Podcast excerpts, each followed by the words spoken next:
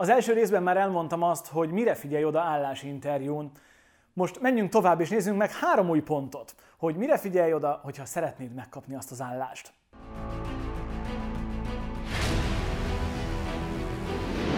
Amikor megérkezel állásinterjúra, az is nagyon fontos többek mellett, hogy legyél alázatos. Mit értek ez alatt? Azt az alázatot nyújtsd és mutasd a másik felé, amit te is elvársz ahogyan te is szeretnéd, hogy bánjanak veled majd a jövőbeni munkahelyeden. Fontos, hogy amikor megérkezel, főleg, hogyha szeretnéd megkapni azt az állást, már annak a tudatában érkez, hogy te itt fogsz dolgozni.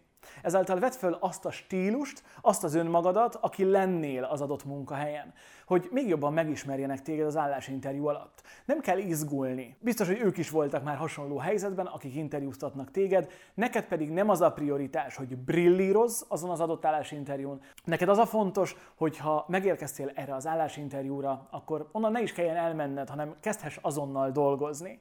Ezért fontos az alázat, mert hogyha a jövőben szeretnéd elvárni az alázatot, feladatot a főnököttől és a kollégáitól, akkor neked kell először ezt megadni. Minden belőlünk indul, és minden nálunk kezdődik. Hogyha mi alázattal tekintünk a másik felé, akkor ugyanezt meg fogjuk mi is kapni. Még egy nagyon fontos pont, hogy keresd azt a munkádban, a jövőbeni munkádban, amit imádsz, amit imádni fogsz. Tudom, nehéz, de ne azért menjél egy állásinterjúra, mert kell egy állás. Ne azt keresd benne, hogy ú, kell az a pénz. Persze, az már egy eredmény, az már egy okozata a dolgoknak. De hogyha egy lépést visszamész, és hátrálsz, és megnézed azt, hogy mit élveznél a leginkább abban a környezetben, azon a munkahelyen, ki lennél te azon a munkahelyen, és hogyha ezt tudod sugározni az állásinterjú során, akkor nagyobb valószínűséggel fogod megkapni az állást.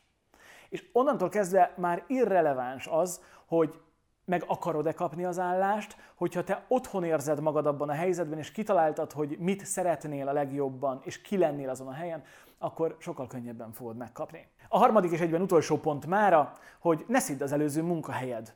Mit értek ez alatt? Vagy jót, vagy semmit. Nem mondjál rosszat a volt főnöködről, a volt kollégáidról, vagy esetleg az ex munkakörülményeidről.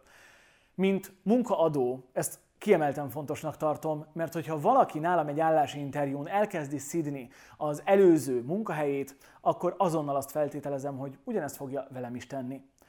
Valószínűleg kirúgták, nem mondja el, hogy miért, és elkezdenek a különböző gondolatok járni az én fejemben. A munkadó számára pedig ne tegyél plusz extra gondolkodni való információt a fejébe. Ez nagyon fontos. Tiszta, egyenes kommunikáció legyen. Vagy jót, vagy semmit. Remélem, hogy tetszettek a mai tippek is. Hogyan brillírozzunk állásinterjúkon? Remélem, hogy legközelebb is velem tartasz, hogyha tetszett, akkor oszd meg, köves, lájkolj, kommentelj, és inspirálódjunk együtt legközelebb is.